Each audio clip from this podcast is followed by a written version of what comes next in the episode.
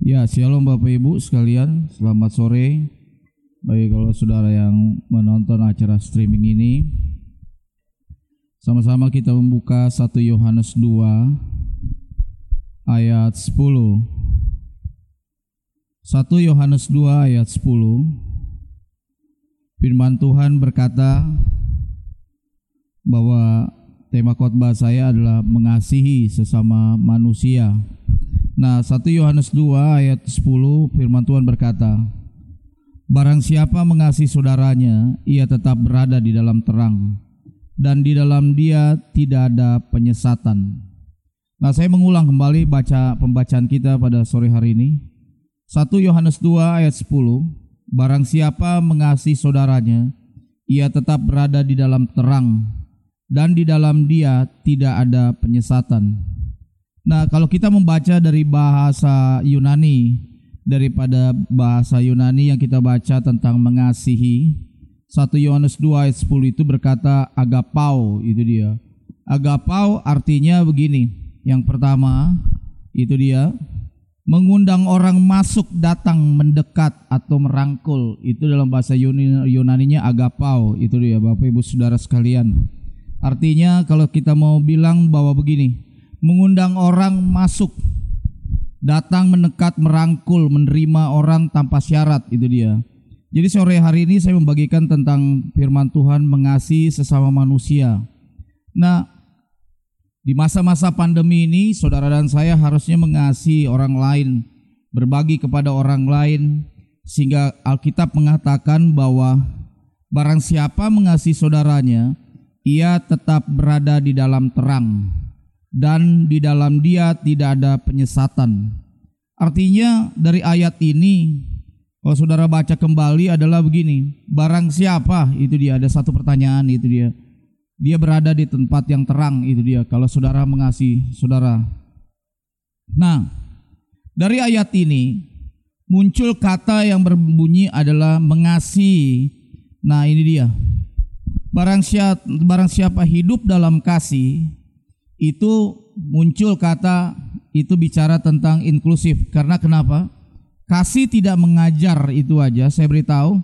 Kasih tidak mengajar kita hidup dalam kotak atau pengelompokan. Artinya hari-hari ini saudara lihat kalau saudara mau bantu orang lain bukan karena satu gereja atau karena agamanya sama, itu dia atau sukunya sama. Itu kalau dalam bahasa Yunani agapau itu dia. Nah, kalau kan saya mau ajak saudara pelan-pelan membaca Kembali Matius 11 ayat 19. Matius 11 ayat 19.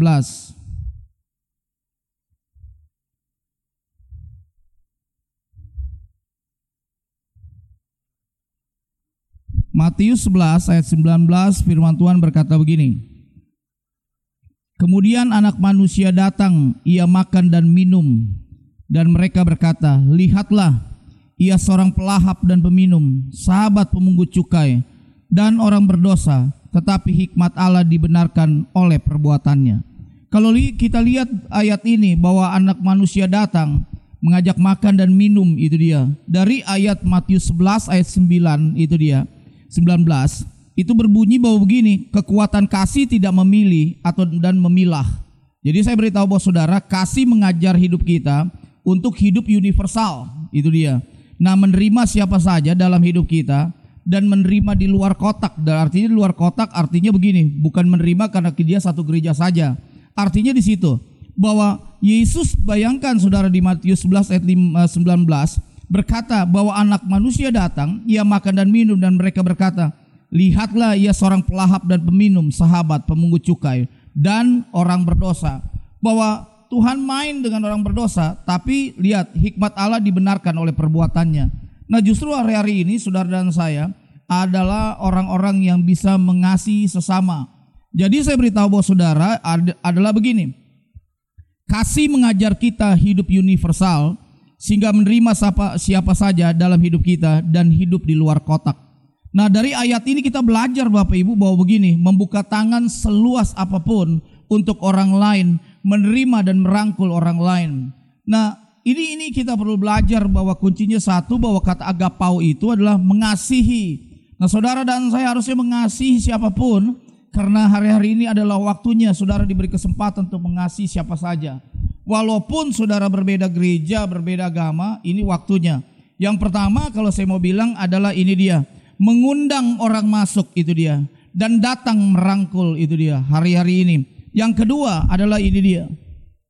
Yang kedua adalah menjamu orang lain dalam kehidupan.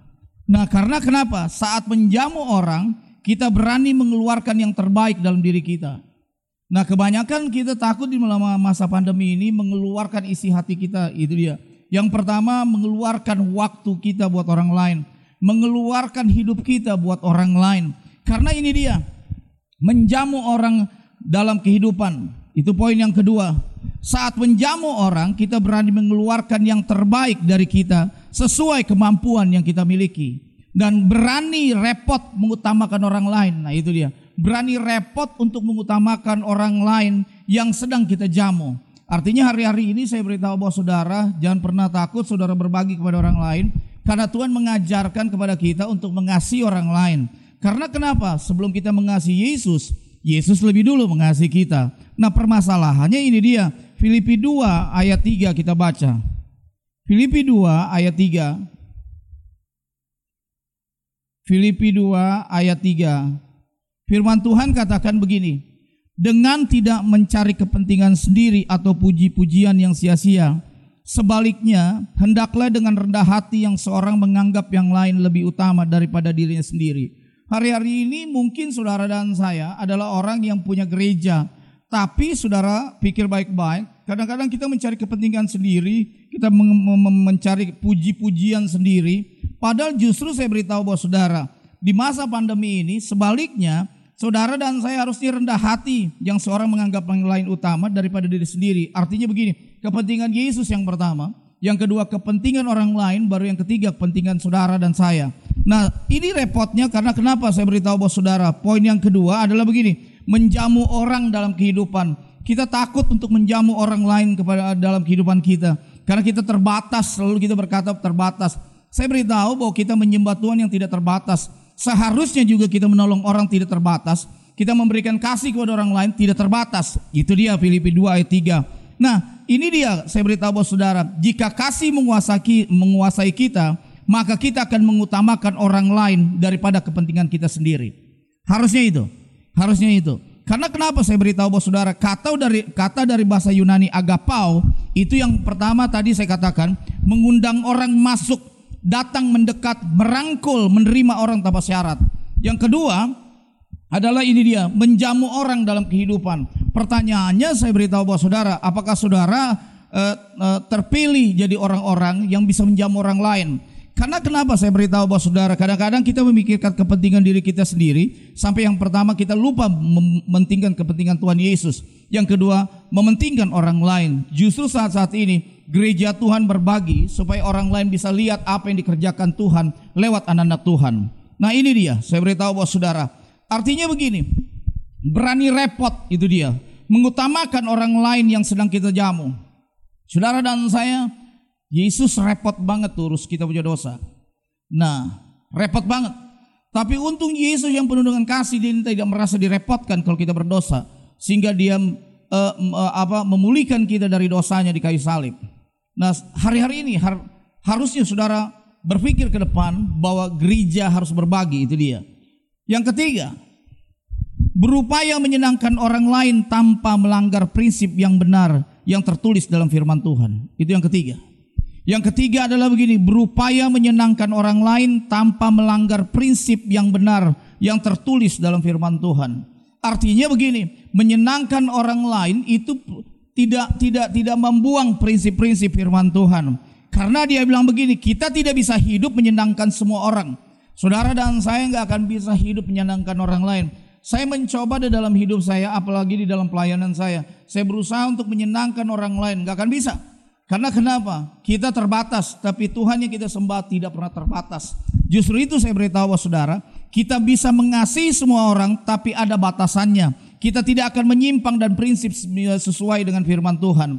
Artinya saya beritahu sekali lagi bahwa Tuhan dari dulu bukan pura-pura jadi Tuhan. Nah ini dia bahwa Tuhan tidak pernah pura-pura jadi Tuhan. Sampai hari ini dia tetap Tuhan yang mengasihi kita. Justru poin yang ketiga ini saya beritahu bahwa saudara berupaya menyenangkan orang lain tanpa melanggar prinsip yang benar yang tertulis dalam firman Tuhan.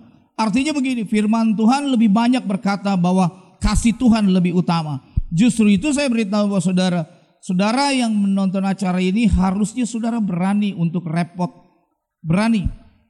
Repot. Jadi artinya kalau ada tamu datang ke rumah saudara atau orang lain datang ke saudara, saudara jangan merasa repot itu dia. Karena ini dia, saya sering katakan bahwa begini, tamu boleh datang ke rumah kita dan tamu boleh pergi dari rumah kita, tapi tuan rumah tinggal tetap. Artinya orang boleh pergi dari kita, tapi Yesus tinggal tetap dalam kita. Itu harusnya. Yang kedua, saya beritahu bahwa saudara, tuan rumah punya akses bebas dalam perubahan. Siapa yang datang ke rumah saudara pasti berubah. Artinya begini, siapa yang ada di dalam saudara itu yang bisa mengubah saudara. Artinya di dalam diri saudara ada Yesus dalam hati saudara.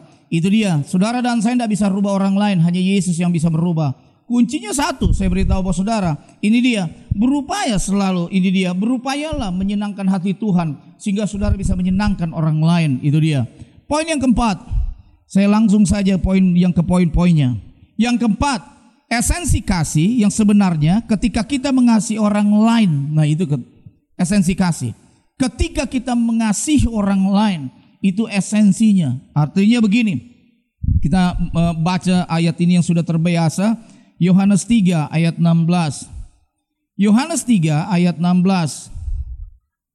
Yohanes 3 ayat 16. Ayat ini sudah terbiasa oleh seluruh dunia akan bisa baca orang Kristen ayat ini. Karena begitu besar kasih Allah akan dunia ini, sehingga ia telah mengaruniakan anaknya yang tunggal, supaya setiap orang yang percaya kepadanya tidak binasa, melainkan beroleh hidup yang kekal. Nah Bapak Ibu Saudara sekalian, kita terlalu hebat untuk membaca ayat ini, tapi kita lupa untuk membaca ini dia. Mari kita buka 1 Yohanes 3 ayat 16. 1 Yohanes 3 ayat 16. Firman Tuhan berbunyi begini. Orang suka baca Yohanes 3 ayat 16, tapi orang nggak suka baca 1 Yohanes 3 ayat 16. 1 Yohanes 3 ayat 16 berkata begini. Demikianlah kita ketahui kasih Kristus yaitu bahwa ia telah menyerahkan nyawanya untuk kita. Jadi kita pun wajib menyerahkan nyawa kita untuk saudara-saudara kita. Wah, terbalik itu. Makanya ayat ini orang jarang mau baca karena kenapa? Ini karena nggak enak karena di ayat ini uh, saya beritahu bahwa saudara adalah ayat yang mengatakan bahwa begini. Demikianlah kita ketahui kasih Kristus yaitu bahwa ia telah menyerahkan nyawanya untuk kita. Jadi kita pun wajib menyerahkan nyawa kita untuk saudara-saudara kita. Nah, kalau saudara baca, saudara baca lagi deh. Itu dia Bapak Ibu ayat 17, 18 yang di rumah. Ayat 17-nya bilang begini, Barang siapa mempunyai harta duniawi dan melihat saudaranya menderita kekurangan tetapi menutup pintu hatinya terhadap saudaranya itu, bagaimana kekasih Allah dapat tetap di dalam dirinya? Ayat 18, Anak-anakku, marilah kita mengasihi bukan dengan perkataan atau dengan lidah, tetapi dengan perbuatan dan dalam kebenaran. Nah, saya beritahu bahwa saudara, sering kali kita mengasihi orang lain itu sebatas lewat mulut, tapi lewat hati kita dan tindakan tidak. Justru ini saya beritahu bahwa saudara, dia katakan bahwa di ayat 1 Yohanes 3 ayat 16 luar biasa. Barang siapa itu dia. Makanya saya beritahu bahwa saudara, esensi kasih yang sebenarnya ketika kita mengasihi orang lain sekalipun kita harus membayar harga mahal. Itu. Mahal banget, mahal banget saya beritahu bahwa saudara, mengasihi orang yang mengasihi kita tidak perlu bayar harga. Saya ulang kembali Bapak Ibu. Mengasihi orang yang mengasihi kita itu tidak perlu bayar harga yang mahal. Tapi dari ayat ini, mengasihi orang yang tidak mengasihi kita itu butuh bayar harga yang mahal. Mahal Bapak Ibu, mahal banget, mahal. Mahal banget itu dia. Makanya saya beritahu bahwa saudara, ah, ini bagi saudara yang dengar khotbah saya di streaming ini, mari saudara bertobat, itu dia. Udah waktunya bukan hanya untuk memikirkan diri sendiri, mikirkan orang lain, bantu orang lain, mengasihi orang lain. Karena begini loh, saya beritahu bahwa saudara, kata-kata ini mungkin saudara terlalu cepat karena saya memang lahirnya terburu-buru, itu aja. Nah, mengasihi orang yang mengasihi kita itu tidak perlu bayar harga yang mahal. Tapi mengasihi orang yang tidak mengasihi kita itu butuh bayar harga yang mahal. Mahal loh, itu dia. Saya baca ulang-ulang tuh tadi saya baca ulang-ulang. Saya berpikir saudara di kamar mandi. Saya berpikir bahwa begini, mengasihi orang yang tidak mengasihi kita butuh harga mahal loh. Coba saudara lihat ya, kalau saudara yang nonton acara ini yang masih single-single itu aja. Mengasihi orang yang saudara suka mahal loh. Terus gitu orang itu nggak orang itu nggak suka sama kita. Oh susah. Makanya saya beritahu bahwa saudara belajar deh itu dia. Contoh deh, Saudara udah pergi ke mana aja, udah pergi ya ke mana aja, tidak menemukan kasih yang sejati.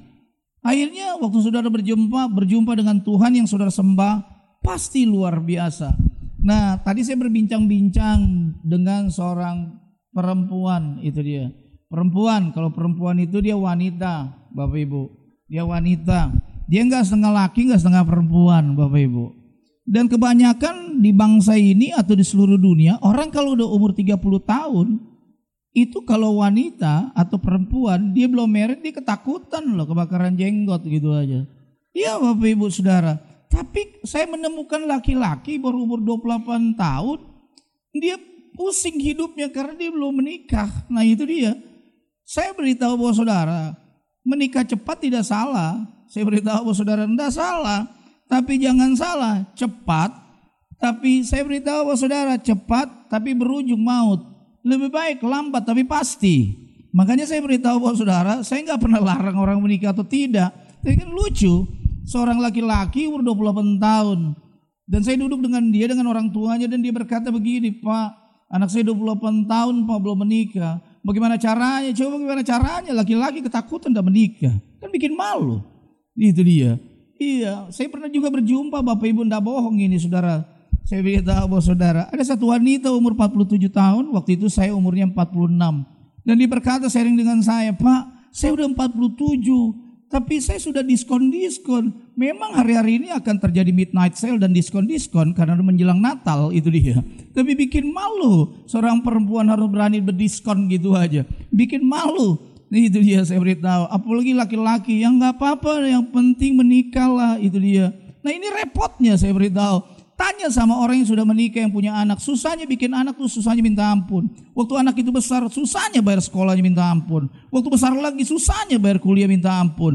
Terakhirnya waktu berantem dua-duanya bilang begini, minta ampun dua-duanya. Coba. Khotbah ini bukan khotbah keluarga, tapi khotbah mengasihi orang. Nah, saya juga bingung Bapak Ibu. Khotbah mengasihi orang dan saya pada sore hari ini berkhotbah. Saya khotbah saya agak sedikit ngebut kayak mobil karena nyanyinya cepat banget ibadah ini. Tiba-tiba tiba-tiba ada di penghujung harus khotbah. Iya, luar biasa itu aja. Makanya saya beritahu bahwa saudara sekali lagi jangan cepat-cepat. Coba bayangkan saya saudara tahu, waktu saya di kamar mandi diketok pintu kamar mandi saya berkata begini, sudah khotbah, coba bayangkan. Baru duduk sudah khotbah, coba bayangkan. Sama waktu kita naik taksi, baru duduk suruh bayar itu aja tuh. Kayak pasang argo itu aja. Iya iya, haleluya. Nah sekali lagi, kembali lagi ke topik itu dia. Kata saudara dalam bahasa Yunani adalah namanya begini, itu dia. Adelpos. Nah itu dia. Artinya begini, saudara satu darah atau satu keturunan. Nah, itu dia. Yang kedua, kata saudara dalam komunitas orang percaya. Ada tiga tuh kata saudara. Yang ketiga, sesama manusia. Nah, saya ajak pelan-pelan. Kata saudara berarti memperhatikan yang dari dekat dalam hidup kita sampai pada sang universal. Artinya begini, Kata saudara berarti memperhatikan yang terdekat dalam hidup kita sampai pada yang universal. Makanya saya beritahu bos saudara, kata saudara. Nah itu dia. Tadi kan kita baca itu ayat ya kan. Nah artinya begini Yohanes 3 ayat 16 itu berkata. Dalam bahasa Yunaninya adalah adelpos artinya saudara satu darah. Itu yang pertama satu keturunan. Yang kedua saudara dalam komunitas orang percaya. Yang ketiga sesama manusia. Nah, naik lebih dalam. Kata saudara berarti memperhatikan orang yang terdekat. Kita bilang orang saudara, tapi kita tidak memperhatikan. Makanya jangan coba-coba orang selalu bilang begini, saya dan kamu saudara loh. Apalagi di gereja-gereja sekarang bilang gini, kamu bukan orang asing. Iya memang dia bukan orang bule, tapi tidak pernah disentuh. Makanya saya beritahu bagi saudara yang menonton acara ini, buat gembala-gembala bertobat, itu dia. Jangan cuma bisa khotbah di mimbar, tapi gak mengasihi jemaat saudara, itu dia. Nah, saya beritahu bahwa saudara sekali lagi, tangkap baik-baik. Selama kita diberi kesempatan hidup di dunia dan bertemu dengan banyak orang, maka mereka layak dikasihi kita dalam kehidupan. Layak. Saudara benci umpama siapa aja, saudara sayang itu aja Bapak Ibu. Sayang, sayang saudara, saya beritahu. Waktu tadi malam saudara, saya mencoba mengkonseling orang di mall. Lalu saya nggak tahu, saudara, udah 10 tahun katanya dengar saya khotbah di acaranya Wanita Battle Indonesia. Lalu nih oma-oma peluk saya, saudara, peluk saya. Dia bilang gini, Pak Riki, saya saudara kamu loh. Wah haleluya loh, itu dia. Tiba-tiba saya beritahu bahwa saudara, saya mau mau konseling orang Bapak Ibu kemarin di mall.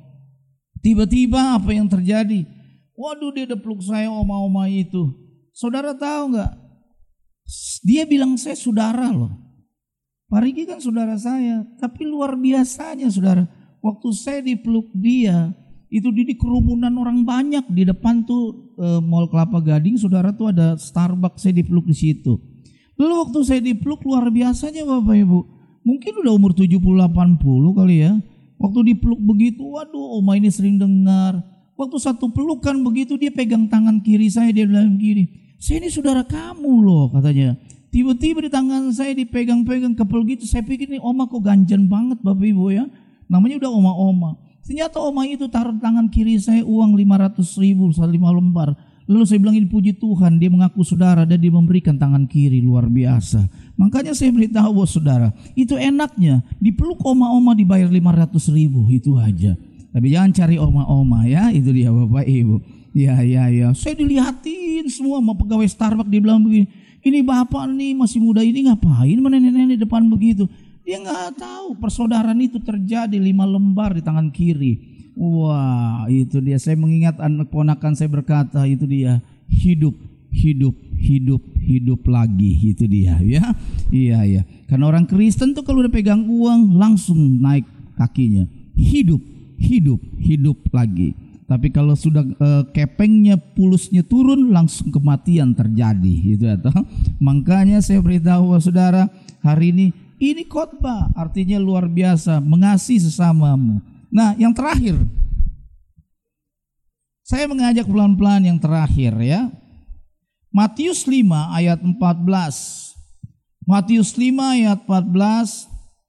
Ini khotbah saya yang terakhir itu dia Saudara Bukan terakhir saya khotbah, tapi waktunya terakhir. Kamu adalah terang dunia, kota yang terletak di atas gunung tidak mungkin tersembunyi. Ayat 16. Demikianlah hendaknya terangmu bercahaya di depan orang, supaya mereka melihat perbuatanmu yang baik dan memuliakan Bapakmu yang di sorga. Luar biasa enggak Bapak Ibu? Ayat ini berkata ini dua luar biasa. Karena kenapa? Esensi dari terang adalah mengasihi. Itu esensi daripada terang, mengasihi. Justru dari ayat ini gaya hidup Kristus muncul dalam terang dan kerajaan Allah adalah mengasihi. Justru saya ulang kembali, esensi dari terang adalah mengasihi. Artinya saudara dan saya harus wajib mengasihi siapa aja Hmm, tidak lihat agamanya apa, sukunya apa, gerejanya apa, mengasihi aja. Saudara pikir baik-baik, saudara. Waktu saya berjumpa dengan orang atau dengan oma ini, oma ini saya nggak tahu dia gereja di mana, saya nggak tahu dia agamanya apa, sukunya apa, tapi saya tahu dia orang China karena matanya sipit itu dia ya. Nah, apa yang terjadi? Perbuatan dia adalah perbuatan mem membuat saya seperti keluarga. Tapi saya menilai bahwa dia katakan begini, saya anggap kamu seperti cucu saya. Oh Tuhan Yesus berarti lebih tua jauh itu aja. Saya 51, dia 80 kali itu dia. Makanya saya beritahu bahwa saudara, kalau saudara masih punya orang tua, sayang-sayang saudara. Karena bukan apa-apa saudara, yang khotbah ini yatim piatu, itu dia. Yatim piatu yang sudah tua, itu aja kan, itu aja. Ada orang bilang begini, yatim piatu udah tua aja sombong yatim piatu. Nah itu dia. Jadi saya beritahu bahwa saudara, Jangan minta dikasihi orang lain. Jangan suka minta belas kasihan orang lain, minta belas kasihan sama Tuhan. Nah, karena kenapa? Kalau kita minta belas kasihan kepada orang lain, saya beritahu bahwa saudara mental saudara harus diganti. Mental kita adalah mental kerajaan, tidak minta belas kasihan pada orang lain, tapi minta belas kasihan kepada Yesus yang saudara sembah. Karena dia juru selamat yang hidup, dia tidak pernah mati sampai hari ini. Dia tidak dia tidak pernah mati, dia hidup buat saudara. Makanya saya beritahu bahwa saudara, ini yang paling berat di dalam hidup kita. Di masa-masa pandemi ini, kita membatasi untuk mengasihi orang lain. Seharusnya kita tidak membatasi orang lain untuk mengasihi orang lain. Sekali lagi, saya beritahu bahwa saudara, selamat datang untuk mengasihi orang lain. Selamat datang untuk mencintai orang lain dan selamat datang untuk tolong orang lain. Dan terakhir saya beritahu bahwa saudara, selamat datang untuk tidak repot kalau orang lain datang kepada saudara. Tuhan berkati saudara sampai keturunan tujuh. Tuhan berkati saudara sampai keturunan dua belas. Sampai keturunan beribu-ribu.